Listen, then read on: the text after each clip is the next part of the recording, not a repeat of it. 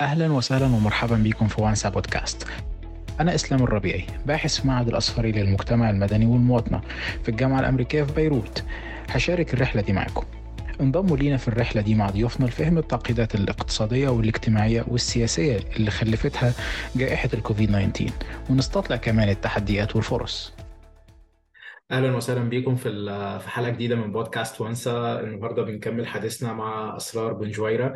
أهلا بيكي يا أسرار. مرحبا شكرا. أسرار أسرار ناشطة نسوية وسياسية ورئيسة جمعية تقاطع من أجل الحقوق والحريات. في الجزء الأول من حديثنا مع أسرار اتكلمنا عن الوضع في تونس قبيل الجائحة وأثناء الجائحة وسلطنا الضوء في الجزء الأول عن أداء وزارة الداخلية. بنكمل حديثنا النهاردة مع أسرار علشان نعرف أكتر عن الوضع التونسي اقتصاديا واجتماعيا. آه، وسياسيا كمان آه، في فترة الجائحة وما بعدها. آه، الحقيقة في الجزء الأول وقفنا عند نقطة أداء وزارة الداخلية وكان عندي سؤال ختمنا بيه الجزء الأول على إننا نعرف الإجابة في الجزء الثاني. وهو دور القضاء في الرقابة على على ال الشرطة وانتهاكاتها. ودور. وكمان إذا كان في سلطات إذا كان إذا كانت السلطة البرلمانية أو السلطة التشريعية ممثلة في البرلمان بتعمل أي شكل من أشكال الرقابة على السلطة التنفيذية والسلطة التنفيذية بشكل عام والشرطة بشكل خاص يعني آه، فنقدر نقول إيه تحديدا اولا فيما يتعلق بالقضاء وادائه اثناء الجائحة وبشكل عام يعني هو الحقيقة يعني السلطة القضائية كانت متماهية مع ال مع ال مع السلطة. يعني مع من هو في الحكم؟ ابتداء من يعني هذا قعد كما العرف. يعني أنا حاسة إنه أصبح عرف في تونس للأسف. معني نقول فيها بكل أسف. في عهد بن علي كانت السلطة تستبق ما يريده بن علي وتحكم تحكم على إثر رغبات بن علي. وكان هو يعني أساس ومركز كل الدولة بكل هياكلها ومؤسساتها. ثم جاءت الثورة وكنا قد قرأنا شوية يعني انفراج وخير وقلنا لما لا يعني نمشي نحو محاكمة عادلة نحو إلغاء عقوبة الإعدام نمشي نحو تقنين الحريات والحقوق. ويصبح القاضي يعني عندما يلتجئ إلى وجدانه يعتمد على على الحريات يعتمد على أنه الإنسان يجب أن يكون حر قبل كل شيء معناها لا لا يسبق السجن والسجون للأشخاص مهما كانت انتماءاتهم ولا مهما كان يعني خاصة في علاقة بقضايا الحقوق والحريات والقضايا السياسية أساسا. ثم للحقيقة هذا ما صارش. آه، حركة النهضة من أول السلطات اللي تحكمت فيها وجرتها نحو المحاصة السياسية ونحو الحسبة السياسية هي السلطة القضائية. وإلى أن أصبح معناها يرتكبوا في جرائم آه، أعطت اليوم الجرائم اللي عم يرتكبوها شرعية لقيس سعيد لنسف كل ما تبقى من من الحرية ومن آه، يعني السلطة القضائية. كما مثلا التلاعب بالملفات القضائية في قضايا اغتيال الشهيدين الشهيد شكري بالعيد ومحمد البراهمي فما قضاة تلاعبوا بمعطيات في الملفات وقضايا يعني وقضاء كان يحكم لصالح حركة النهضة وقضاء كان يرقد في الدوسيات يرقد في الدوسيات يعني يخلي فيهم على جنب بالدرج يعني ما ما يجبدش القضايا المهمة اللي عندها يعني قد الرأي العام الكل ينتظر يعني في في أحكامها يخليها هي متروكة لأنه تنجم تضرب مثلا مصلحة حركة النهضة أو تنجم تضرب من هو في الحكم. ثم هذا اليوم إلى أن اليوم في عهد قيس سعيد وبعد 25 جويلية آه القضاة كلهم أصبحوا خايفين من قيس سعيد خايفين من ملفات نجم تجبد لهم. قيس سعيد عند تجاوز صلاحياته أول سلك ضربه وأول سلطة ضربها هي السلطة القضائية. إلى أن وصل في مرحلة ما يستنجد بالحرس الوطني وبالجيش الوطني وبالشرطة من أجل أنه تسرع في دراسة الملفات قبل القضاء. وقالها حرفا في عديد المداخلات القضاء ما عمل حتى شيء تصرفوا انتوما. يعني ياخذ في الملفات من السلطة القضائية يعطيها للجيش والشرطة والحرس الوطني. يعني تلاعب كبير وحتى إنسان ما ينجم يتكلم لأنه ثبت تورط مجموعة كبيرة من من القضاة اللي هما كانوا متورطين في العشرية السابقة في قضايا اغتيالات تبييض تسفير شباب إلى سوريا.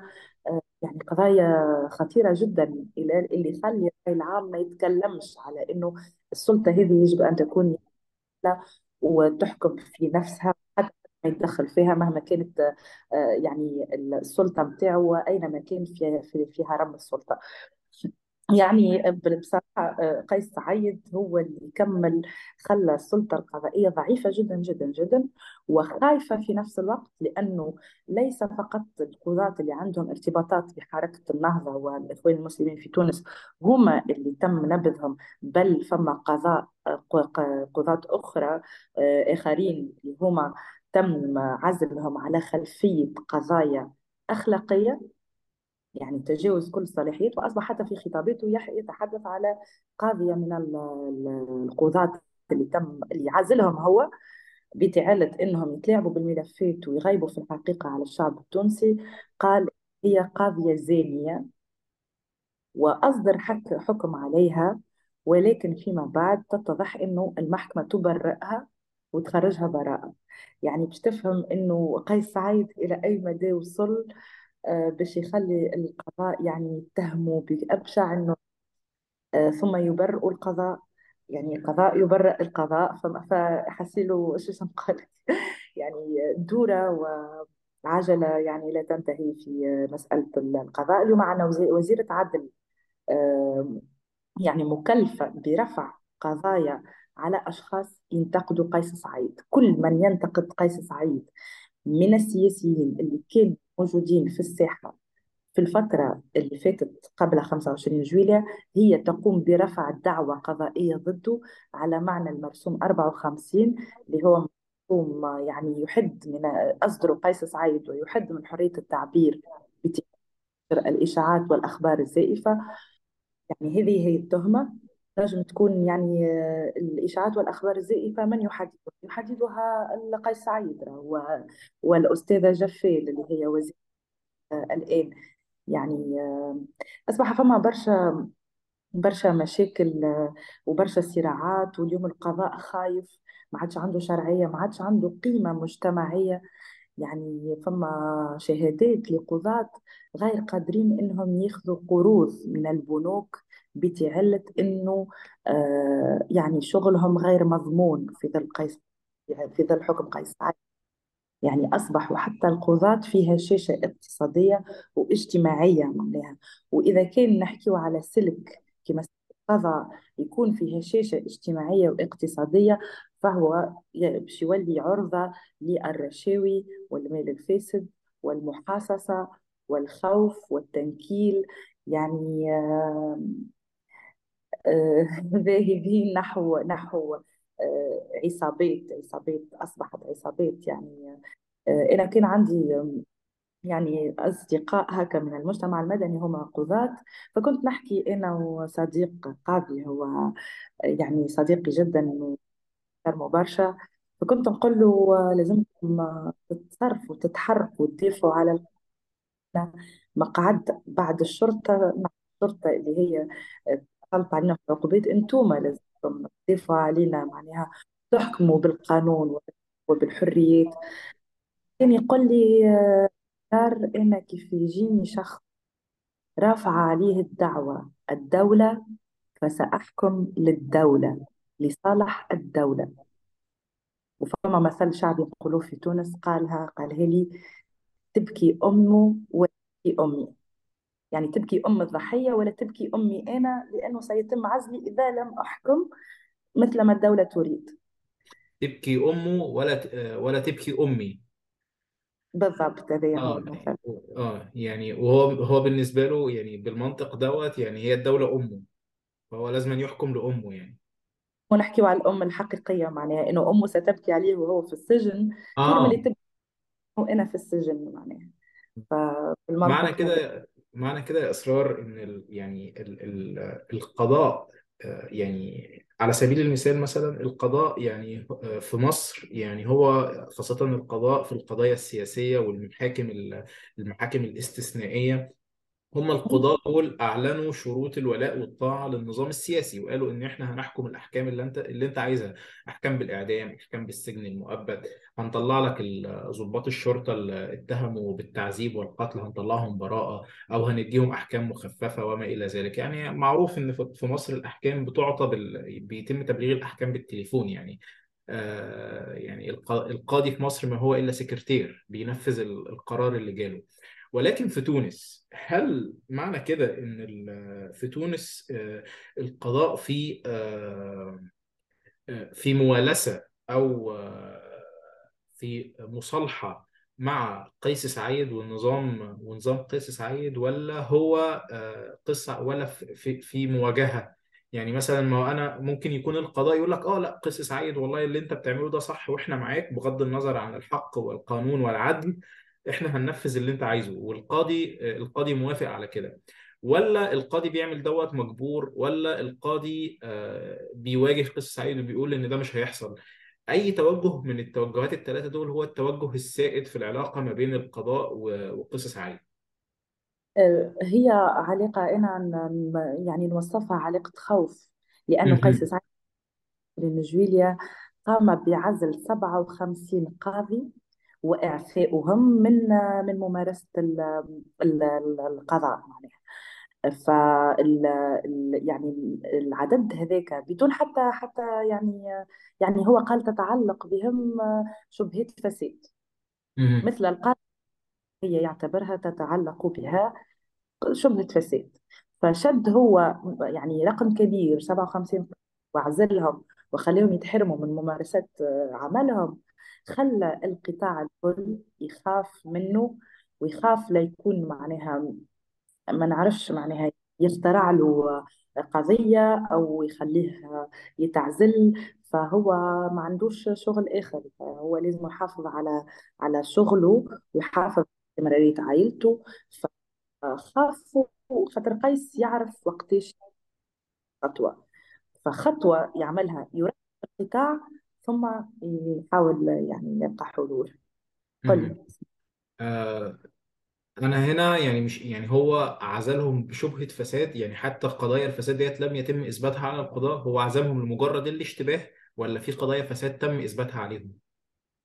آه، لا ما تمش آه، إثبات حتى شيء تم عزلهم آه، من غير حتى مرجع قانوني من غير حتى حكم قضائي من غير حتى ملفات يعني القضية اللي يحكي عليها وتم إعفائها الزانية خرجت براءة بعدك. يعني بعدين معناها كي تم ال- ال- النظر في قضيتها والكل. وهو ما معناها شوهها وحكى عليها في خطاباته أكثر من مرة وتم عزلها. يعني فباش تفهم السياق كيفاش آه، يعزل. طيب على سبيل على سبيل سوري يا أسرار على المقاطعة. ولكن على سبيل المثال في قضية آه، في في قضية القضية اللي هو اتهمها بالزنا لو أنا فاهم صح. آه، بعد كده هي طلعت براءة. هل مثلا هي عملت أي آه، إجراء قانوني أو قضائي لمقاضاة رئيس الجمهورية بسبب انه دوت في مصر مثلا دوت اسمه مثلا آه، في القانون اسمه آه، آه، سب وقذف آه، ما أعرفش في تونس اسمه إيه ولكن هي تهمة. هي تهمة. طبعا إن أنت تحك... إن أنت تتهم رئيس الجمهورية دي يعني مش هتحصل. ولكن أنا عايز أفهم ال... هل القضية مثلا قررت إن هي تسلك القانون والقضاء علشان ترجع لمنصبها تاني ولا خلاص الموضوع وقف عند عزلها؟ ويا هي ريت نعرف اسم القضية بحيث لو لو ده أعتقد إن الاسم متاح علشان لو أصدقائنا من خارج تونس حابين يعرفوا أكتر عن تفاصيل القضية.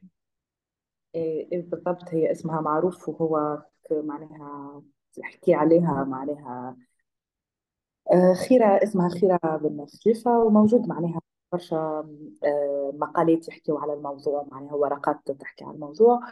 آه، بالنسبة ل- لقيس سعيد هي آه، كأني معناها عندها علاقة فقامت زوجة الشخص برفع دعوى فهو قيس سعيد جاي شهر بالحكاية.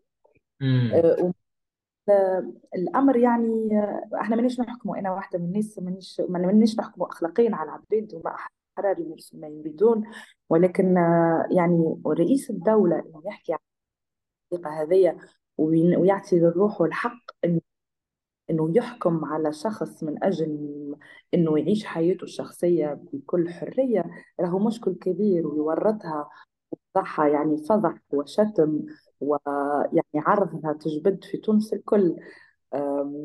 من بعد باش تقول لك علاش ما تشكيش هي تعرف كقاضية هي تنجم تقدم اعتراض للمحكمة وترجع تباشر بما إنه هي لم يثبت عليها حد شيء. وفما فما يعني آه، بعض ال- اللي تم عزلهم آه، كيف رفعوا للمحكمة الإدارية طعون تم ترحيلهم وتم آه، إيقاف تنفيذ قرار الإعفاء. يعني من جملة ال- ال- الأشخاص اللي تم إعفائهم يعني اللي يقدم اعتراض نظروا له في الاعتراض ورجعوا رجعوا برشا. فالقاضية ما تشكيش لأنه هي تعرف أو أنه قيس سعيد في دستوره الجديد حاط فصل فيه لا يساءل رئيس الجمهورية أثناء أداء مهامه. يعني ما فما حتى إنسان عنده الحق يسائل رئيس الجمهورية في حتى إجراء خذاه أو حتى شيء. فهي عارفة معناها إنه ما عندها ما وين توصل فقط حتى كان باش ترجع لسلك القضاء أنا نتصور حسب ال- السياق الاجتماعي والمجتمعي في تونس. راهو الناس لا تنسى والمتهمين في تونس آه، آه، ينجموا يجبدوا لها الحكاية في محكمة. يعني رئيس جبدها في حكى عليها الحكاية. في خطاب من خطاباته فما بالك معناها أشخاص يكونوا متهمين في قضايا معينة فسيوقع لها إحراج كبير أنا نتصور معناها ال- الحالة اللي تعيش فيها آه، حالة صعيبة برشا وخاصة وإن هو استضعفها لأنها مرأة وقيس سعيد من اللي طلع. لل... للرئاسة وهو يستضعف النساء ويقدم في صورة سيئة جدا على نساء تونس اللي هما كانوا وما زالوا في رائدات وهما مسبقات في العالم في مجال الحقوق وافتكاك الحقوق والحريات وفي مجال حتى الأكاديمي والعلمي.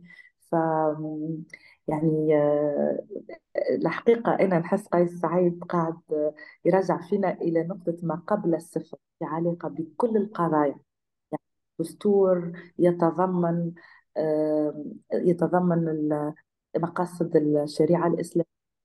دستور جديد آه، ما يؤمنش بالحريات الفردية. دستور جديد يعني أوحد يكتبه قيس سعيد وحيدا ويطبق فيه وحيدا والناس تأتمر بأمره والناس كلها أما آه، اليوم وصلنا لمرحلة تقزيم للمعارضة آه، غياب فكرة الأحزاب على تغييب الأحزاب من المشهد حتى المعارضة قاعد ينكل بها ويحط الناس بشبهات التآمر على أمر الدولة الوضع كثير وخطير جدا. يعني كارثي إلى حدود كارثي معناها. قضايا تتعلق معناها تلاحق الناشطين والناشطات مجتمع مدني غير معناها عارف شنو يعمل فما أخبار ومداولات إنه يحب يغير قانون الجمهورية في تونس ويقوم بفتح تحقيق في تحقيقات في منظمات وطنية. يعني فما حالة ترهيب كبيرة جدا جدا. يعني بديها بالقضاء باش يضمن القضاء يكون في صفه ثم توا قاعد يحاسب في كل من لم يعترف بما صار 25 جويلية وكل من يقول على 25 جويلية انقلاب. قاعد يعني خطوة بخطوة كل يوم إحنا في تونس نشهد إيقافات المعارضين السياسيين نشهد ناشطين كل يوم قاعدين عايشين على أمل إنه يعني ننتظر ننتظر في ساعتنا معناها. كلنا يعني كمجتمع مدني سياسي كل من يتكلم وغير راضي على قيس سعيد تنجم حتى وزيرة العدل هي اللي تقوم برفع دعوة عليك. روحك تبحث في الحبس معناها. آه، الحقيقة أنا عايز أسأل سؤال مهم عن آه، إزاي قيس سعيد بنى النظام بتاعه لأن يعني هو بدأ يعني بشكل يعني هو راجل ما عندوش خل يعني ما عندوش مثلا حزب سياسي أو ما عندوش آه، غطاء شعبي زي ما إحنا قلنا هو مجرد أكاديمي أو أستاذ قانون دستوري. ولكن قبل ما أدخل للسؤال دوت كان كان عندي سؤال خاص آه، مسار 25 جويلية آه، يعني يا ريت لو مسار 25 جويلية لل- لأصدقائنا اللي ما يعرفوش هو ال- الانقلاب اللي قيس سعيد عمله بحل البرلمان. ولكن حابب أسمع منك أسرار عن ال- التاريخ دوت تحديدا لأصدقائنا اللي آه، اللي من بره تونس. يعني لو حابين يفهموا لما بنقول 25 جويلية بنقصد بيها إيه؟ Okay. هو 25 جويلية آه، تاريخيا هو ذكرى استقلال تونس. تونس. تم يعني آم، 25 جو- July 2000 1956 تم استقلال تونس من الحماية الفرنسية أو من الاحتلال الفرنسي. آه، ثم أصبح هو يوم وطني نحتفل به كل سنة على آه، على إنه تونس خذت استقلالها ذكرى الشهداء اللي ناضلوا ذكرى المناضلين اللي جابوا الاستقلال. ففي 2021 كان فما في 25 جويلية دعوة للاحتجاج من أرض لا نعرفها.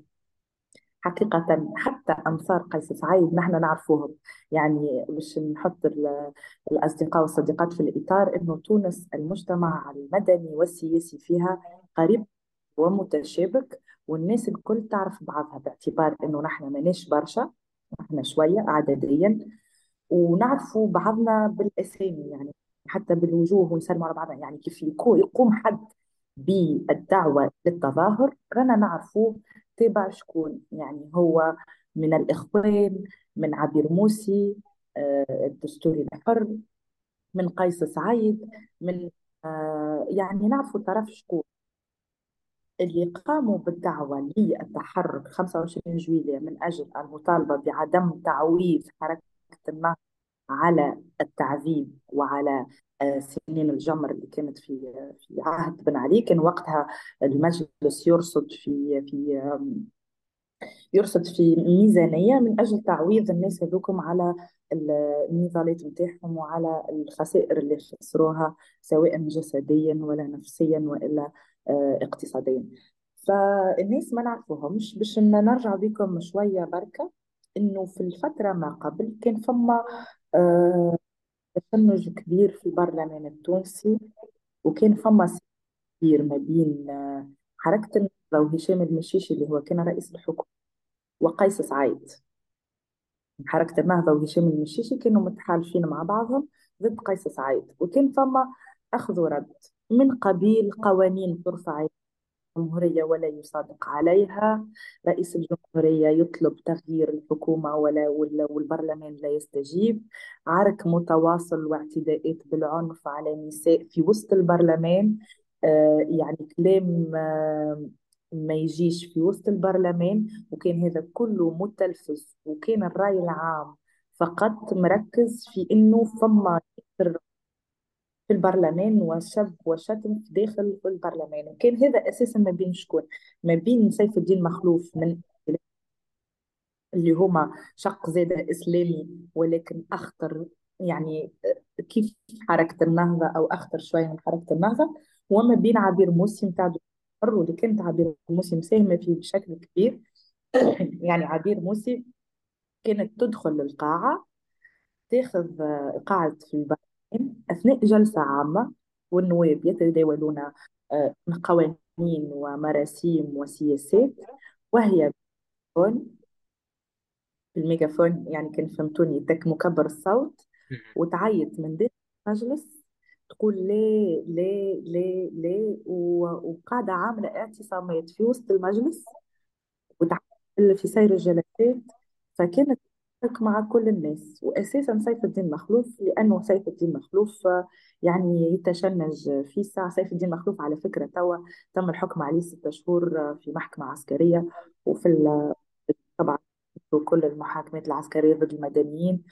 آه، كنت حابة نحكيو عليه. الموضوع هذا من بعد على ال- الإيقافات والقضايا المتعلقة بال- بالمعارضين في تونس.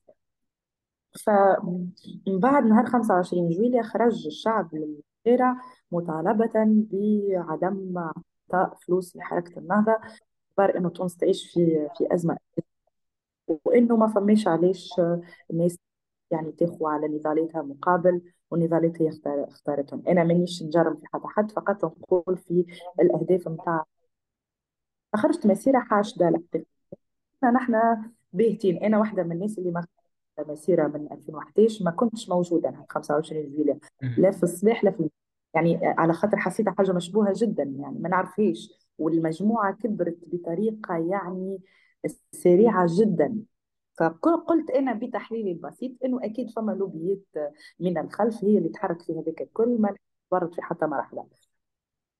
معنى كده اسرار إن كان سوري يا اسرار على آه، المقاطعه معنى كده إن كان في آه، طرق ما للحشد الشعبي يعني بشكل أو بآخر آه، بغض النظر عن طريقة الحشد ولكن بالفعل خرج ناس كتيرة آه، مناهضة لحركة النهضة في 25 جو... آه، 25 جويلية اللي هو 25 يوليو في ناس أيوة. كتيرة خرجت في في ال- في التاريخ ده بالضبط خرجوا ناس باعتبار إنه الظرفيه كانت تسمح بالإحتجاج. وكانت البرلمان ومع حل البرلمان وكانوا ضد المشهد ككله برمته وكل من تورط حسب ما يقولوا هما في العشرية اللي فاتت.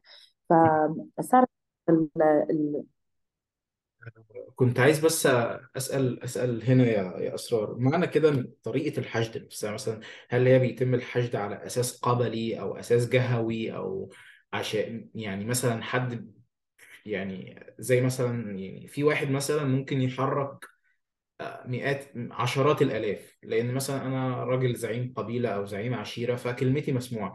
هل أقدر أقول بنفس الطريقة دي تم تحريك الناس في تونس ولا إزاي تم تحريكهم؟ إذا كان ما كانش فيه مثلا آه، حشد وتعبئة من آه، من المجتمع المدني أو من آه، الأحزاب أو ما إلى ذلك إزاي تم حشد الناس؟ والله في تونس ما عندناش يعني منطق القبلي قعد موجود في جهات معينة ولكن في تونس إذا كان آه، تحب تحشد الناس فعليك يعني في عليك أن تنتظر اللحظة المناسبة معناها. فكانت اللحظة حقيقة معناها كان ياسر آه، تشنج في البرلمان وكان ناس غاضبين وما همش عارفين يعني النهضة يعتبروها تورطت في عشرية آه، غلاء أسعار اغتيالات مشاكل يعني مشاهد عنف متكررة وقاعدة تتكرر مدة أشهر وأشهر معناها. فهذيك خلى الناس تخرج غضبها. فكانت اللحظة مناسبة ومواتية جدا وكان في الاحتجاجات هذيك آه، ناس حرقت مقرات حركة النهضة. في بعض الولايات. آه، يعني ولايات ناس مشات حرقت مقرات حركة النهضة ثم الثمانية متاع الليل قيس خرج ليقول لنا فعلت وفعل الفصل 80 من الدستور التونسي اللي الفصل 80 بعد حسب الفصل 80 بعد استشارة رئيس مجلس النواب ورئيس المحكمة الدستورية اللي ما هيش موجودة ما عندناش محكمة دستورية في تونس يعني ما كوناش محكمة دستورية. يقوم رئيس في حالة ال- ال- الخطر الداهم. يقوم الرئيس بإقالة الحكومة وحل مجلس نواب الشعب إحنا علاش نقولوا انقلاب؟ لأنه قيس سعيد أركان الفصل الثمانين لم تكتمل لم يستشير رئيس مجلس النواب وما عندناش محكمة دستورية ليستشيرها. ثم هذاك علاش نقولوا إنه هو منقلب؟ فرد وقت يوجه دبابات وجيش إلى مجلس النواب. فيقوم بعسكرة البلاد كلها يعني عندنا على مستوى شارع الحبيب بورقيبة. إذا كان حد يعرفه هي ال- الحبيب بورقيبة هو قلب العاصمة. وأكبر شارع فيه وزارة الداخلية يحط في في قلب ويحط باردو والجيش في ساحة القصبة أين أين آه، رئاسة الحكومة والبرلمان. به آه، هذيك تعدى يعني الناس في ليلة 25 جويلية خرجت تحتفل بهذا الانقلاب المبارك. يعني الناس هبت هبة واحدة وخرجوا واحتفلوا ثم انقسم المجتمع ما بين مؤيد ورافض. كان الحوار انقلاب أم فالمعارضين يقولوا انقلاب والموالين يقولوا هذاك ضرورة لابد منه. منها من أجل تصحيح مسار الثورة. نهار 26 تم دعوة المنظمات من قبل رئيس الجمهورية حول مسألة الإجراءات الاستثنائية اللي هو يعتبرها إجراءات استثنائية فقط. نهار 26 اتحاد الشغل الرابطة التونسية للدفاع عن حقوق الإنسان الجمعية التونسية للنساء الديمقراطيين التونسيين المنتدى التونسي للحقوق الإقتصادية والاجتماعية منظمة الأعراف تاع رجال الأعمال موجودين في القصر للتفكير الأزمة. آه، قيس يعني من الأول كيف عيط لهم على أساس إنه باش يتباحثوا الناس كل حول شنية باش يصير كمرحلة. فشنية صار قيس سعيد لأنه يعني رجل أوحد ويحكم بأمره لم يستمع إلى حتى حد. فقعد هو فقط من يتكلم. فالمجتمع المدني بعد ذلك ما إنه فما معناها لبس في الموضوع وإنه باش يتورط في برشا مشاكل سياسية وحقوقية وتخص الحريات ومن بعد بداوا يمسحوا بالمنظمة. إلى أن قعد وحده.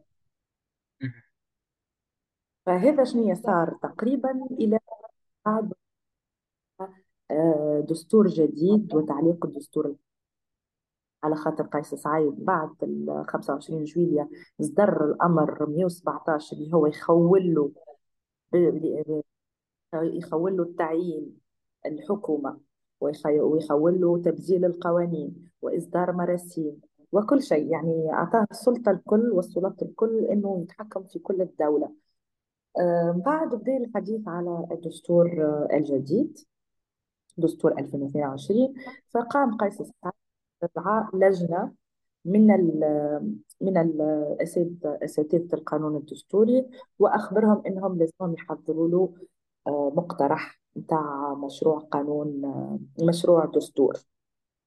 قدمت اللجنة مقترح. قيس سعيد شنو يعمل؟ يعني يعرض به على الاستفتاء الشعبي. الدستور مرة باستفتاء شعبي. غير الحاجات اللي اساتذه القانون الدستوري اتفقوا عليها.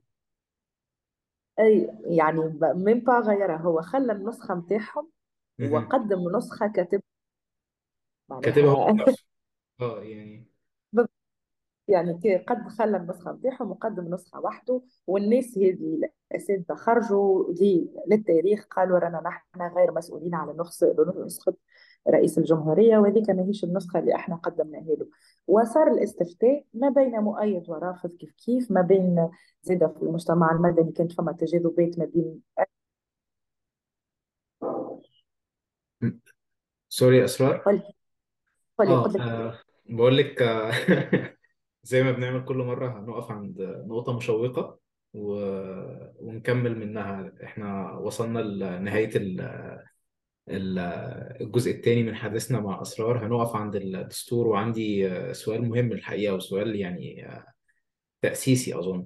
إزاي إن قيس سعيد قدر يبني النظام بتاعه وسط كل التجاذبات والشبكات الشبكات السياسية المختلفة؟ آه، وأعتقد ده اللي إحنا هنبدأ فيه في الجزء الثالث من حوارنا. وهنتكلم فيه برضو عن عن الدستور وال- وظروف الموافقة على الدستور الجديد في تونس.